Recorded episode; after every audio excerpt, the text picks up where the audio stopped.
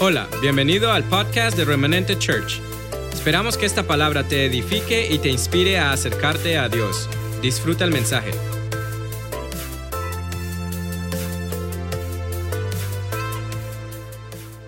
El domingo pasado estuvimos compartiendo Sin miedo al éxito. Eso fue un, título que salió de un TikTok. Ya se acuerdan la historia. Tres mexicanitos que iban tomados en una moto y el tercero en la parte de atrás estaba bien tomadito y le preguntaron sin miedo qué y él dijo sin miedo al éxito carnal y se cayó de la moto. Pero de ahí salió el título, sin miedo al éxito. Creo que fue una palabra de gran bendición para todos nosotros. Todavía la escucho y todavía me animo mucho cuando la escucho. Eh, y a razón de eso, después de haber hablado con mi esposa y el pastor Villa, hemos decidido lanzar la serie Sin Miedo al Éxito. Entonces hoy vamos a lanzar una serie de tres domingos bajo ese título, Sin Miedo al Éxito. Creo que hay mucha tela por cortar, creo que hay mucho que el Señor quiere enseñarnos, creo que hay bastante de parte de Dios para cada uno de nosotros en esta serie. Así que les animo a que por favor la compartan cuando salgan el podcast, compartan los que están en casa este, este live en este momento. Hay gente que necesita escuchar de lo que vamos a hablar el día de hoy. Hay gente que necesita escuchar lo que Dios tiene para sus vidas. Ahora, ya les voy a dar el título de hoy. Les di el título de la serie, pero no de lo que vamos a compartir hoy. Antes de eso, quiero hacer una pequeña introducción de lo que hablamos el domingo pasado para nuestros amigos que nos están visitando hoy. Hoy que es domingo, el Día del Amigo. El, el domingo pasado hablábamos y nos preguntábamos qué era el miedo. El miedo es una sensación de angustia provocada por la presencia de algo que pone nuestra vida o nuestra situación, nuestras circunstancias, nuestro ambiente en peligro. El miedo genera ansiedad. También dijimos que en la psicología el miedo es un mecanismo de defensa mental y físico. Se manifiesta de manera mental y de manera física. Y nos permite también estar a la defensiva de todo aquello que pueda ser una amenaza para nosotros. Ahora, hicimos un breve resumen y nos preguntamos qué era el éxito. ¿Qué dice la sociedad hoy en día acerca del éxito? Según la sociedad dice que el éxito se trata de lograr objetivos y metas personales, de convertirse en lo que uno realmente quiere ser. Eso dice la sociedad. En vivir la vida en la forma en la cual uno la quiere vivir. Wow. En hacer lo que uno realmente quiere hacer. Wow. En lograr lo que uno se propone lograr. Y después dice, como quien se lava las manos, dice que la definición del éxito es algo personal para cada quien. O sea que en pocas palabras, la sociedad nos vende la idea de que el éxito es lo que nosotros llamemos éxito. O sea que el éxito para la sociedad puede llegar a ser algo que nosotros, con lo que nosotros nos conformemos. Porque si dice que es algo de lo que tú, lo que te hace feliz, puede ser que te conformes con algo y no te das cuenta que estás rindiendo el plan de Dios en tu vida. Entonces, según la sociedad, el éxito puede llegar a ser algo con lo que nosotros nos conformemos. Y lo he dicho antes muchas veces, y quizás es necesario repetirlo.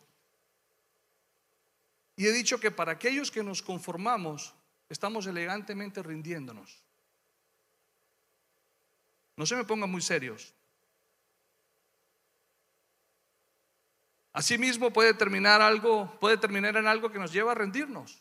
El éxito, lo que nosotros llamemos éxito. Dios tiene una historia para nosotros. Dios ha escrito una historia para nosotros, lo hablamos el domingo pasado.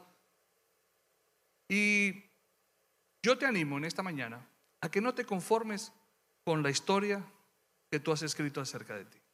La historia del Señor es mucho mejor.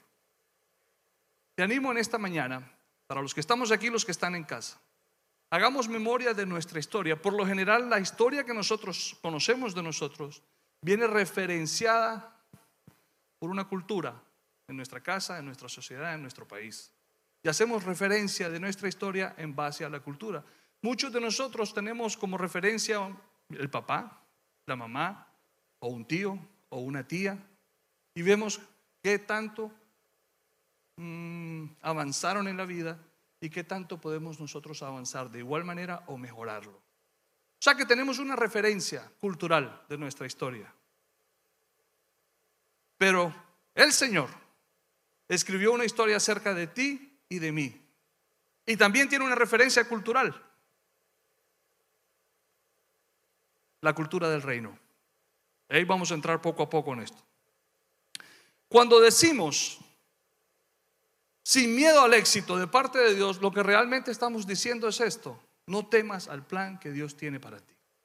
No le tengas miedo al plan de Dios. No le temas al plan de Dios.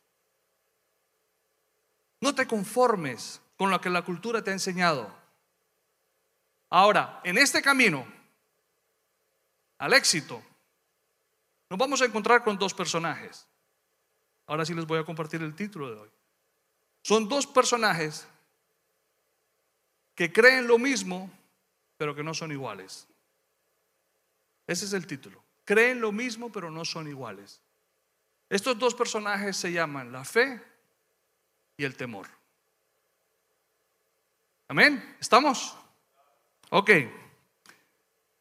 El temor o el miedo es un sentimiento de desconfianza impresionante nos impulsa a creer muchas veces que va a pasar algo que todavía no ha sucedido, pero que es contrario a todo lo que deseamos. ¿A cuántos nos ha pasado eso? ¿A cuántos nos ha pasado eso? Nada más como cuatro cristianos hay en esta mañana aquí. Está bien. A todos nos ha pasado. Todos hemos sentido miedo en algún momento. Todos hemos sentido el miedo de pensar que no va a pasar lo que necesitamos que pase lo que deseamos que pase, lo que anhelamos que suceda. Todos tenemos ese temor en un momento de nuestras vidas. ¿Y qué es la fe? La fe nos enseña en la palabra, en Hebreos 11.1 dice, después la fe, la certeza de lo que se espera y la convicción de lo que no se ve. O sea que la fe también espera en algo, igual que el miedo. Por eso piensan lo mismo, los dos piensan en que algo va a pasar pero no son iguales, son completamente distintos. Se parecen, pero no son iguales. La fe tiene la certeza de algo que va a suceder en nuestras vidas y tiene la convicción aún de lo que no se ve. Les dejo de tarea leer el capítulo de Hebreos 11, el capítulo 11 de Hebreos. Es impresionante. Todo fue creado de la nada por medio de la fe. Se lo puedo resumir en eso. ¿Por qué uno, por qué son, por qué creen lo mismo, pero no son iguales? ¿Cuál es el efecto que causa uno versus el efecto que causa el otro?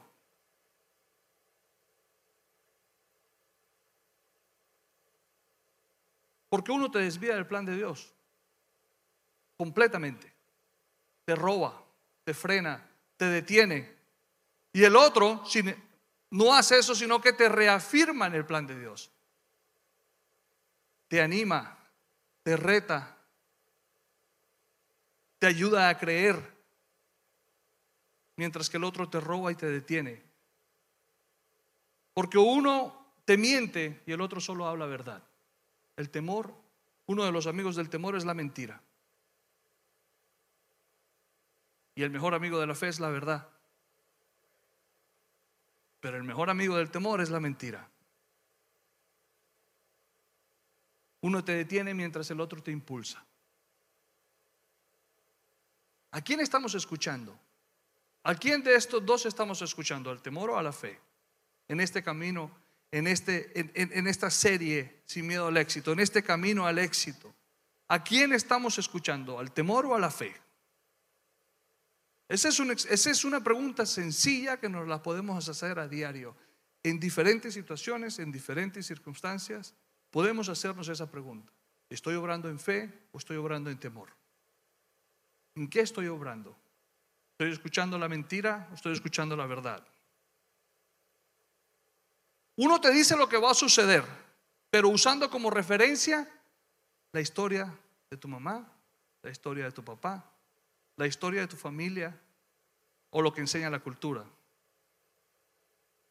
Eso te dice el miedo. El miedo te dice exactamente lo que va a suceder y te recuerda lo mal que le fue a fulano. ¿Sí te acuerdas? Uh, no, tú no hagas eso.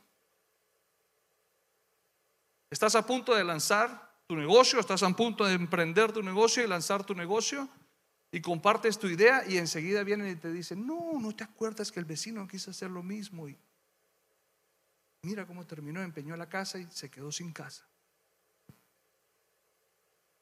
¿Qué usa como referencia? La historia del vecino. ¿Qué usa como referencia? La historia de un familiar. ¿Qué usa como referencia? La cultura en la que estamos. Mientras el otro te dice la verdad. ¿Cuál es la verdad? La palabra de Dios. ¿Cuál es la verdad para nuestras vidas? Lo que Dios ha dicho de nosotros. Esa es la verdad. Eres cabeza y no cola. Darás prestado y no pedirás prestado. Tendrás en manera sobreabundante para ti y para los tuyos. Seremos conocidos porque todo nos saldrá bien todo me va a salir bien. Eso es una verdad, está en la palabra, está en Salmos. Eso no es un cliché.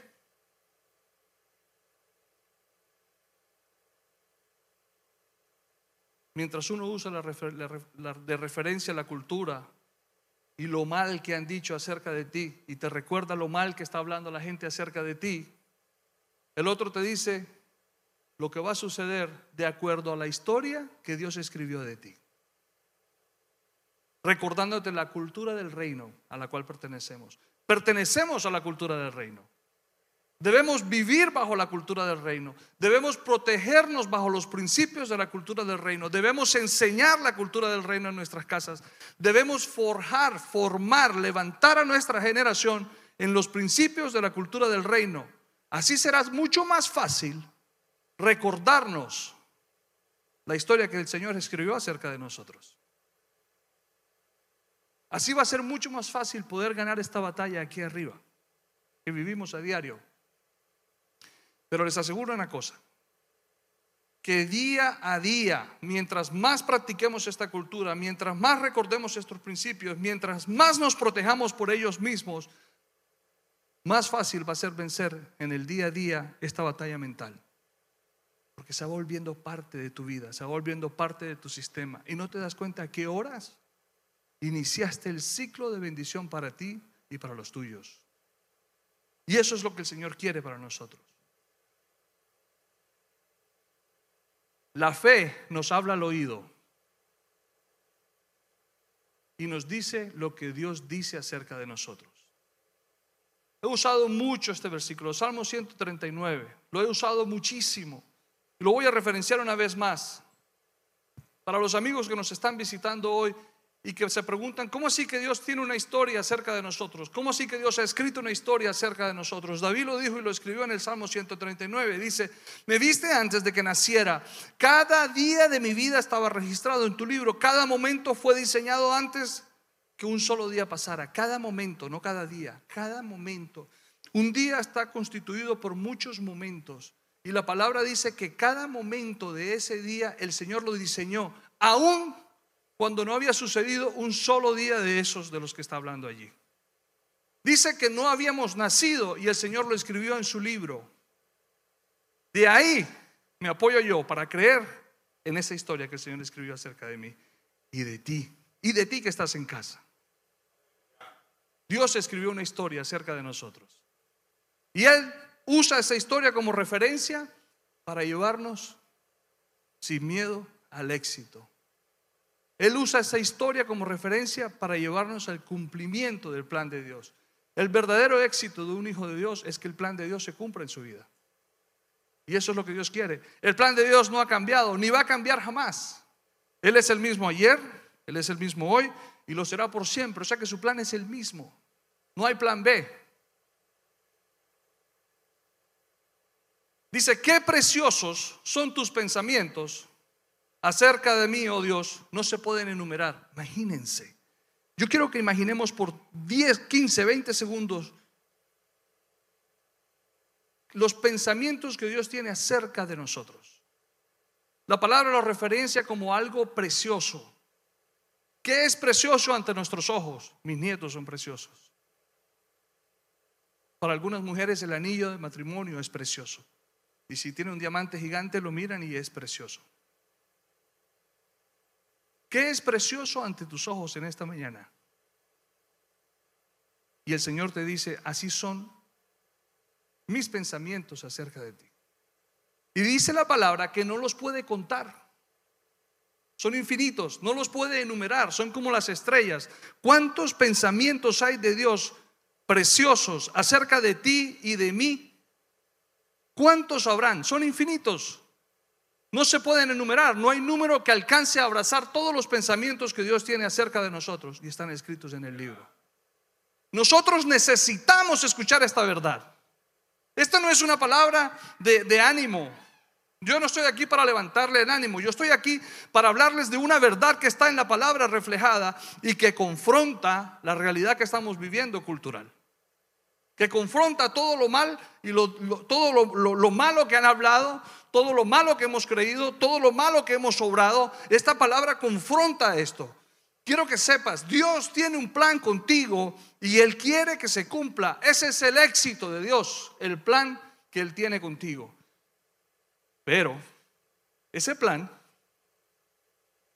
involucra rendir nuestra voluntad. Ese plan involucra rendir nuestro plan. Rendir el, el plan que nosotros tenemos para llegar al supuesto éxito que nosotros tenemos referenciado y conocemos. Hay un verdadero éxito que está escrito acerca de nosotros y ese es el que Dios quiere que se cumpla. A mí me han enseñado en esta casa que la fe no niega la realidad. O sea, los problemas están ahí, las enfermedades están, las deudas están, la tristeza está, la, decepción existe, el dolor está. Esa es una realidad. Y me enseña la palabra que la fe no la niega, sino que la confronta con la verdad. Hay una verdad que Dios escribió de nosotros. Y con esa verdad vamos a salir a frentear. Vamos a afrontar. Vamos a pelear. Le vamos a poner cara. Le vamos a plantar cara a estas circunstancias. Usando la verdad. Usando la historia que Dios escribió acerca de nosotros. Isaías 41, 9 y 10 dice, te he llamado desde los confines de la tierra diciéndote, eres mi siervo. Esta palabra es para nosotros. Yo quiero que usted sepa algo. Esta palabra que yo estoy leyendo aquí es para cada uno de nosotros. ¿Cuántos tenemos la fe para atesorarla y para recibirla? ¿Cuántos la queremos para nosotros? ¿Cuántos la deseamos para nosotros? Amén. Si tú la deseas y estás en casa, colócame un amén. Yo tengo aquí mi teléfono conectado. Yo voy a ver después cuántos amenes hay ahí que creen esta palabra. Esta palabra que te dice que te llamó desde los confines de la tierra, diciéndote, eres mi siervo. Somos propiedad de Él, pues te he escogido y no te desecharé. O sea, ya te escogió, ya te apartó, te hizo, Él se hizo dueño de ti, tú, tú perteneces a Él y no te va a desechar. La cultura nos enseña otra cosa. La cultura nos enseña que si no hemos estudiado lo suficiente no calificamos. Que si no sabemos suficiente inglés no tenemos el trabajo. Que si no soy alta o el pelo largo y bonita no me van a llamar. Que si yo mido 5 o 7 y soy bajito y estoy gordito no voy a calificar. Eso nos habla la cultura. Pero el Señor me dice que Él me ha escogido y que Él no me va a desechar. Y después me dice, no tengas miedo. Sin miedo al éxito. O sea, la fe me lleva a confrontar la realidad. No la niega. Te dice, no tengas miedo, porque el Señor sabe que tenemos miedo. Él sabe que tenemos miedo y Él dice, no tengas miedo porque yo estoy contigo. No te desalientes. Claro que Él sabe que nos desanimamos. Claro que Él sabe lo que nos cuesta levantarnos algunas mañanas. Claro que Él sabe lo que nos cuesta ir a trabajar un lunes o un martes en el frío. Este frío que hemos estado viviendo en este invierno. Claro que Él sabe. Él sabe cuánto duelen los pies. ¿Cuánto duelen las manos? Sin embargo, Él te dice, yo estoy contigo, no te desalientes, porque yo soy tu Dios. te daré fuerzas, dice, y te ayudaré. Te sostendré con mi mano derecha victoriosa. O sea que ya tenemos la victoria en Él. Nos va a ayudar, nos va a sostener, nos va a llevar de su mano victoriosa. Eso está en Isaías 41 del 9 al 10. Tenemos miedo de lo que la gente habla. Tenemos miedo de que la gente va a hablar mal de mí. Tengo miedo porque la gente me va a descalificar. Tengo miedo porque no sé hablar inglés. Tengo miedo porque me toca predicar en inglés y se me lengua la traba y no soy capaz de hablar inglés. Se me olvida el español. Y eh, tengo miedo porque no soy capaz. Hace poco estuve hablando con un hombre de Dios que me dijo, estoy trabajando fuertemente en el que dirán, me, me hace mucho daño saber que la gente habla mal de mí. ¿Qué me puede aconsejar, pastor? Yo le dije, bueno, hay una, hay una alabanza que canta la salmista Olga, Tañón, Olga Tañón. ¿Sí la han escuchado? ¿Y por qué se ríen? Es verdad. La salmista Olga Tañón canta una alabanza. Pastor Villa está nerviosísimo. ¿Dónde está? Yo me lo conozco. Una alabanza que se titula Mi manera de ser.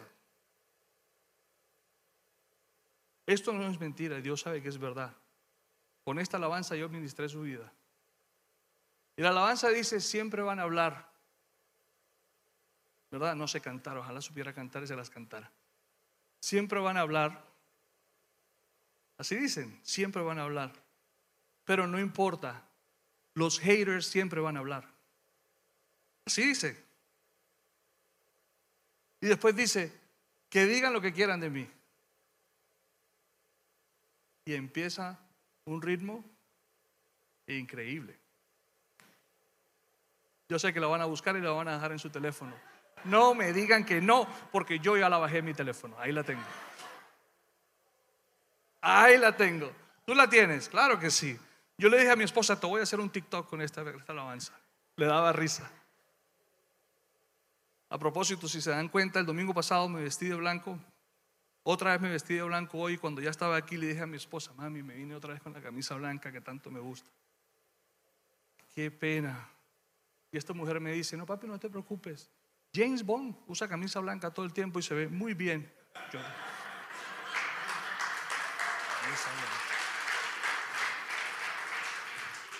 ¿Sabes qué me gusta? Que me dijo la verdad. Yo me preocupé de lo que la gente iba a hablar porque me iba a ver vestido de blanco de nuevo. Y ella me dijo la verdad. Siempre te vas a ver bien. Los haters siempre van a hablar. Que digan lo que quieran de mí. Pero ¿qué dice la palabra? De aquellos que se preocupan por lo que la gente habla. Dice, los que me calumnian no dejan de acosarme y muchos me atacan descaradamente. Pero cuando tengo miedo, en ti pondré mi confianza.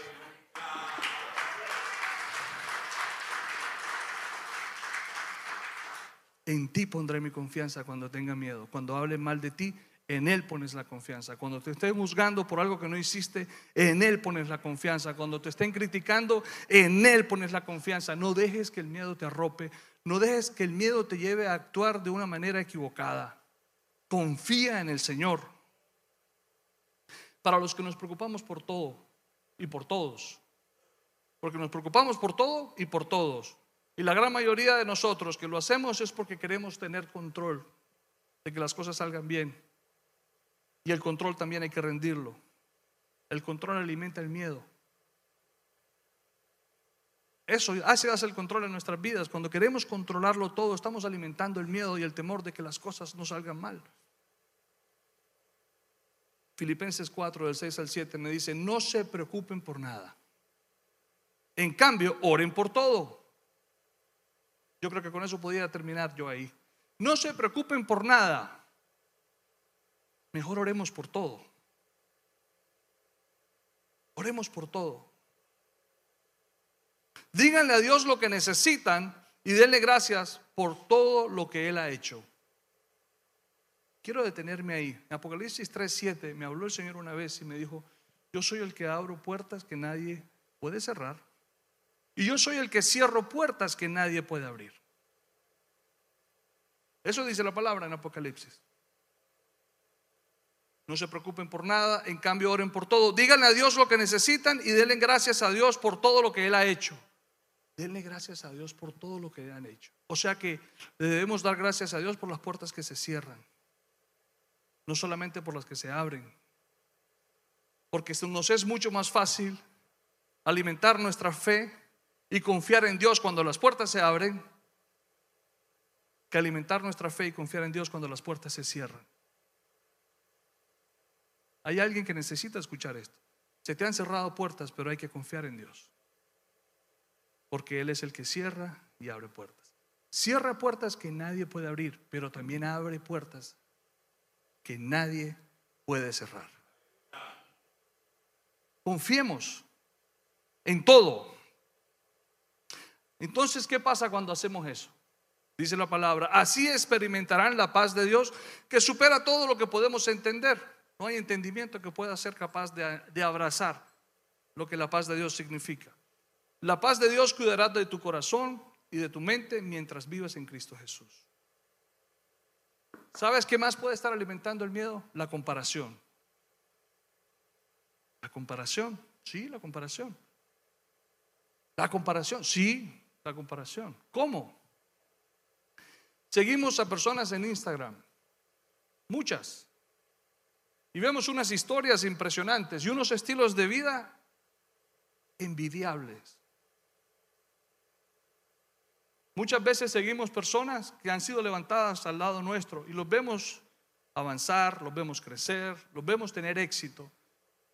Y entonces nos comparamos y no nos damos cuenta que nos descalificamos y empezamos por temor a cometer errores y a tomar decisiones equivocadas para querer ser iguales a aquellos. Cuando esa vida en Instagram es una farsa. Es una farsa. Mire, yo he estado, y me va a descabezar mi esposa. Yo he estado con mi esposa tomándonos un café y ella va a tomar la foto del café, es experta en tomar fotos del café y busca el mejor ángulo y busca la mejor, la mejor luz y busca el mejor background, lo, lo, que mejor se ve en la parte de atrás y busca que la sombra no le robe, que el brillo, que esto, que lo otro. Yo no lo sé cómo lo hace, pero todo eso lo hace en 10 segundos. Y prum, prum, pan, toma la foto y cuando yo la veo en Instagram, yo digo, ¿a qué hora nos tomamos ese café nosotros? Papi, acuérdate, estábamos ahí y yo lo miro otra vez. Yo no me acuerdo de haberme tomado un café tan rico como ese que se ve ahí.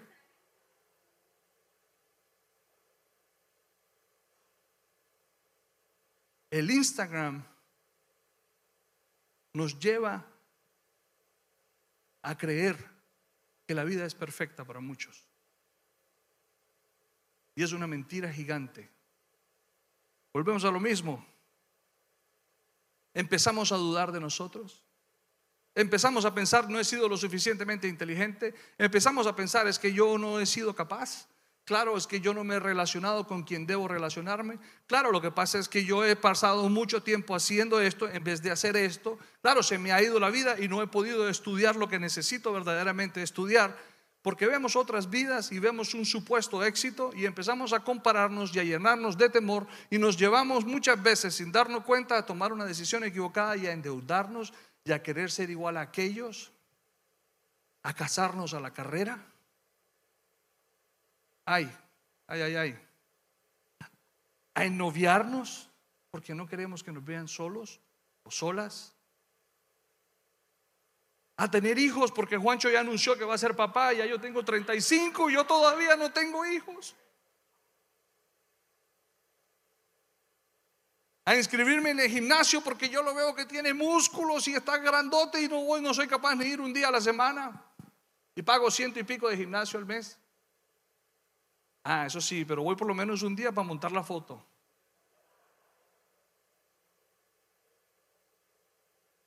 El temor, la comparación alimenta el temor. Nos comparamos y nos descalificamos. Nos comparamos mamás con mamás, papás con papás, empresarios con empresarios, jóvenes con jóvenes, iglesias con iglesias, pastores con pastores, los pastores también tenemos Instagram. Claro que sí. Hmm. A veces sin darnos cuenta, estamos constantemente criticando a otros para alimentar nuestra autoestima. Y caemos en esa dependencia de sentirnos más seguros que los demás, haciendo mucho más daño solo por el temor. El temor a no estar menos. El ego, el ego es el aliado número uno del temor, porque el ego alimenta la inseguridad. Te sientes inseguro y el ego te lleva a hacer algo para sentirte seguro y muchas veces estás alimentando el temor por medio de ello.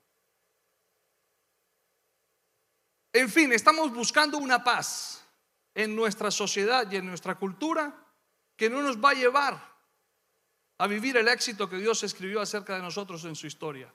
En la cultura, en la escuela, en el trabajo, en el Instagram, en el Facebook, en el TikTok. Estamos buscando esa paz que nos llene, que nos reafirme, que nos ubique, que, que nos diga, ay, ahora sí, ya la hice, esta sí es. Y estamos allá afuera buscando esa paz para sentirnos que nuestra vida tiene sentido. Ya encontré el camino que era. Ahora sí puedo decir sin miedo al éxito. Pero estamos buscando en lugares equivocados. Jesús antes de partir dijo esto en Juan 14, 27. Les dejo un regalo. Paz en la mente y en el corazón. Y la paz que yo doy es un regalo que el mundo no puede dar. Así que no se angustien ni tengan miedo. No se angustien ni tengan miedo. Lo que el Señor quiere decirnos con esa palabra es que Él es el que llena todo vacío. Todo vacío de inseguridad, de incertidumbre, de ansiedad, de dolor, de depresión, de tristeza, de fracaso, de bancarrota, de enfermedad. Él lo llena todo. Dice que esa paz que Él da el mundo no la puede dar. El mundo da cierta paz que nos servirá para un momento, para un rato, para un día, para un periodo de tiempo.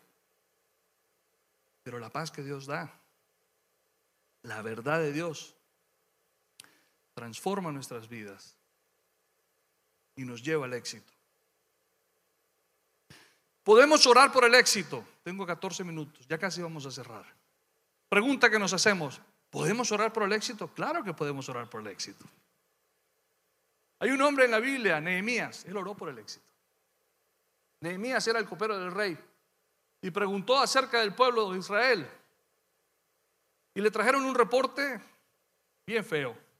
Le dijeron, las cosas no andan bien. Nehemías capítulo 1 del 3 al 4 lo pueden leer. Pueden leer todo. El libro de Nehemías es hermoso. Pero del 3 al 4 le dijeron, las cosas no andan bien. Los que regresaron a la provincia de Judá tienen grandes dificultades y viven en desgracia. La muralla de Jerusalén fue derribada y las puertas fueron consumidas por el fuego.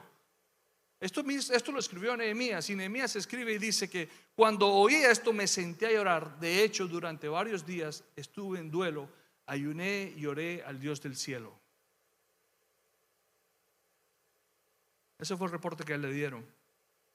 Y en el 5 dice él, y dije, oh Señor, Dios del cielo, Dios grande y temible, que cumples tu pacto, que cumples tu historia de amor inagotable con los que te aman y obedecen tus mandatos. Escucha mi oración. Ojo, vamos a aprender cómo se ora por el éxito. Porque es posible orar por el éxito. Lo primero que hacemos es recordar que el Señor escribió algo acerca de nosotros. Lo primero que hacemos es recordar el pacto que Dios hizo con nosotros. Eso es lo primero que necesitamos hacer. Él nos está apoyando en la historia que le dijeron, porque la, referencia del pueblo de Israel era que ya todos la conocemos. Esclavos, pobres, necesitados, abandonados, juzgados, criticados, atacados, asesinados. Esa era la referencia cultural que tenía Nehemías. Pero él se acordó de la verdad, se acordó de su cultura, se acordó de la cultura del reino, se acordó del pacto que el Señor había hecho con su pueblo. Y dice, Dios grande y temible que cumples tu pacto de amor inagotable con los que te aman y obedecen tus mandatos. Escucha ahora mi oración. Mírame y verás que oro día y noche por tu pueblo Israel. Confieso, ojo, confieso que hemos pecado contra ti. Es lo primero que hay que hacer. ¿Cuántos estamos reconociendo que hemos cometido un error? En el lenguaje religioso es cuántos de aquí confesamos que somos pecadores. ¿Cuántos podemos confesar? ¿Cuántos podemos decir, hombre, la fundí, me equivoqué, fue mi error, perdóname, discúlpame, no sé qué hacer? ¿Cuántos tenemos esa valentía de pedir perdón? Nos cuesta muchísimo, pero cuán necesario es para poder vivir el éxito de Dios en nuestras vidas. Reconocer y confesar nuestra falta. Es cierto, dice, incluso mi propia familia y yo hemos pecado. Wow, o sea que Él no sacó en limpio a nadie. Fue el primero que se tiró de cabeza ahí. Dice, es verdad, estoy hablando la verdad. Mi familia y yo hemos pecado contra ti. Hemos pecado terriblemente al no haber obedecido los mandatos, los decretos y las ordenanzas que nos diste por medio de tu siervo Moisés. Él no dice, Señor, lo que pasa es que tú sabes, yo, discúlpame, Señor. No, Él dice terriblemente, la fundí terriblemente. No tengo reparo ante esto. Todos hemos pecado, me incluyo yo, Señor, y mi familia también ha pecado. Te suplico que recuerdes lo que le dijiste a tu siervo Moisés. Te suplico, Señor, que te acuerdes de la historia que escribiste acerca de mí. Te suplico, Señor, que recuerdes tu pacto que hiciste conmigo. Ahora dice aquí, que dijo Dios, si me son infieles los dispersaré entre las naciones, pero si vuelven a mí y obedecen mis mandatos y viven conforme a ellos, entonces, aunque se encuentren desterrados en los extremos más lejanos de la tierra, yo los volveré a traer al lugar que elegí para que mi nombre sea honrado. El pueblo que, que rescataste con tu gran poder y mano fuerte es tu siervo. Somos siervos del Señor. El Señor nos rescató. Cantábamos en alabanza que si pudiéramos describir los ojos de amor con el que Jesús nos vio para salvarnos, para sanarnos, para restaurarnos, para levantarnos, para rescatarnos. Si tan solo pudiéramos describir esos ojos de amor. Oh Señor, te suplico que oigas mi oración. Escucha las oraciones de aquellos quienes nos deleitamos en darte honra. Te suplico que hoy me concedas éxito. Y hagas que el rey me dé su favor, pone en su corazón el deseo de ser bondadoso conmigo en esos días yo era el copero del rey. Acuérdense que era el que escribía eso. Y hace la aclaración por qué menciona al rey en la oración. Porque él era el copero del rey, tenía cercanía con el rey, había una relación con el rey. Y pidió favor delante del rey para encontrar recursos y salir a hacer la obra de Dios. Pero el primero reconoció su falta. Segundo, le recordó al Señor lo que él había dicho acerca de él y de su pueblo y de su familia. No sacó en limpio a nadie, metió hasta el gato ahí. De cabeza lo metió. Y después pidió que el Señor concediera éxito, porque se alineó con el plan de Dios. Amén. Vamos a cerrar. Me gustaría que la alabanza pase aquí al frente. Por favor, y me acompañen. No fue la primera vez que él oró por éxito. Más adelante, cuando él va y camina a la ciudad y, mira cómo están las, la situación, las, murallas en, prácticamente en ruinas, y en pie, él dice, él él iba en un burro y en varios lugares donde él quiso entrar en su burro no pudo entrar porque el burro era, imposible llegar y se bajó y caminó, inspeccionó todas las murallas y después vino y reunió a todos los grandes hombres de, autoridad del pueblo de Dios y los reunió y les dijo, reconstruyamos la muralla de Jerusalén y pongamos fin a esta desgracia.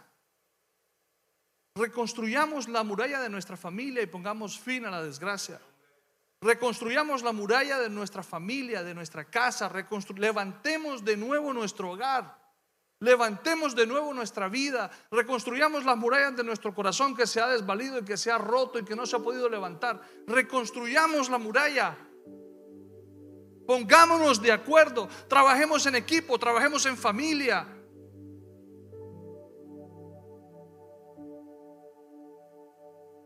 Después de eso, él les contó a todos ellos cómo la mano del rey había estado con él y había favor delante del rey. Y todos se animaron, todos festejaron y dijeron, sí, reconstruyamos, sí, sí, sí, reconstruyamos. Sin embargo, cuando Zambalat y Tobías y Gesem se enteraron del plan, se burlaron. Hay muchos Zambalats allá afuera, hay muchos Tobías. Hay muchos Gesem allá afuera que se van a burlar, que no van a querer que lo hagas, que te van a criticar, que te van a decir, ayer un alcohólico, hoy un cristiano evangélico predicando la palabra, sí, porque es que yo estaba caminando en mi historia, pero hoy empecé a caminar en la historia que Dios escribió acerca de mí. Ayer era un adúltero y hoy eres un cristiano. Sí, porque Dios me rescató. Sí, porque Dios me enseñó su historia. Yo no sabía. Está bien. Es normal muchas veces no saber la historia que Dios escribió acerca de ti. Muchas veces le tenemos miedo al éxito porque creemos que no lo merecemos y realmente no lo merecemos. No hay nada que jamás hayamos podido merecer. No hay nada que nosotros hayamos hecho para poder decir que me lo merezco. Pero eso no le importó a Jesús. Él murió por ti y por mí para hacernos merecedores de su éxito. Para compartir su gloria con nosotros. Para hacernos su obra maestra. Para que hoy en día seamos testigos de su grandeza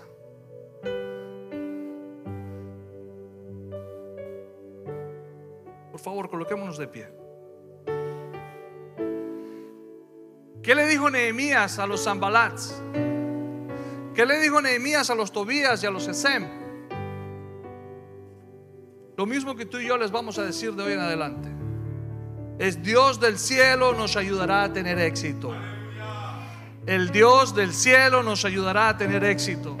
Porque Él lo escribió, porque Él lo pactó, porque Él lo prometió, porque Él lo quiere cumplir, porque Él está esperando que nosotros dispongamos nuestra vida para verlo cumplido. El Dios del cielo nos ayudará a tener éxito.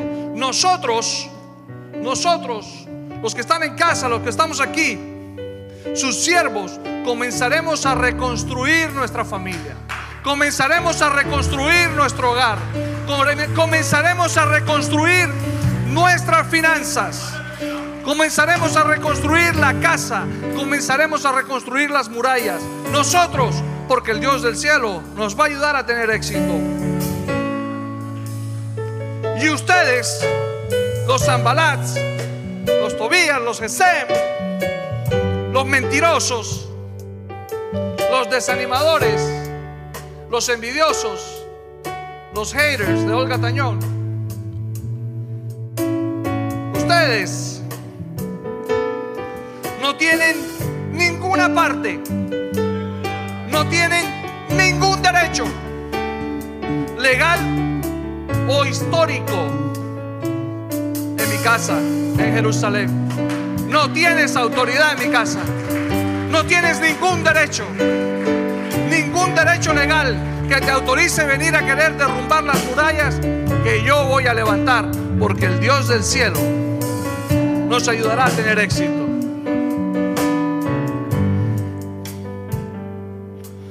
La humildad es el aliado número uno de la fe.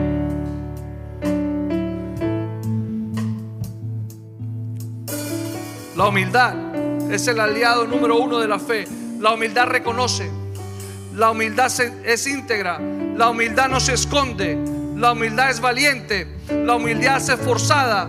La humildad rinde nuestros caprichos. ¿Cuántos tenemos caprichos que necesitamos rendir a Dios? La humildad reconoce el plan de Dios para mi vida. La humildad reconoce el pacto que Dios hizo con nosotros. La humildad tiene afinidad con la historia que Dios escribió acerca de mí y de ti.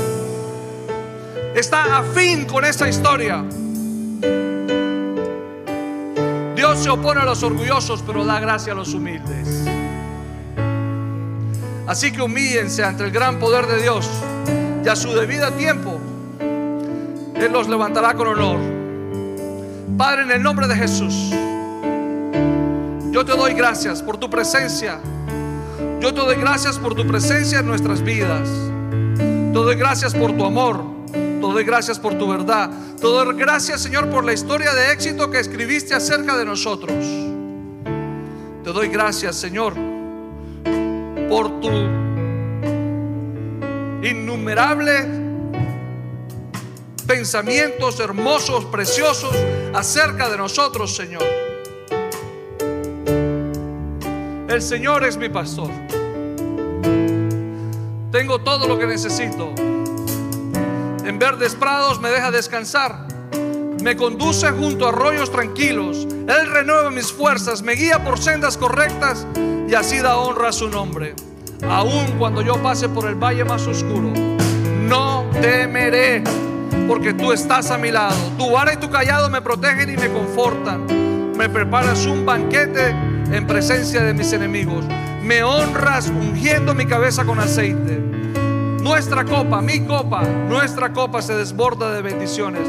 Ciertamente, tu bondad y tu amor inagotable me seguirán todos los días de mi vida, todos los días de mi vida, todos los días de mi vida. Tu bondad y tu amor inagotable me seguirán, nos seguirán todos los días de mi vida y en la casa del Señor viviré por siempre.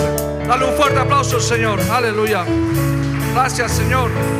Esperamos que este mensaje haya sido de bendición. No te olvides de suscribirte a nuestro podcast y seguirnos en Facebook e Instagram arroba remanente church.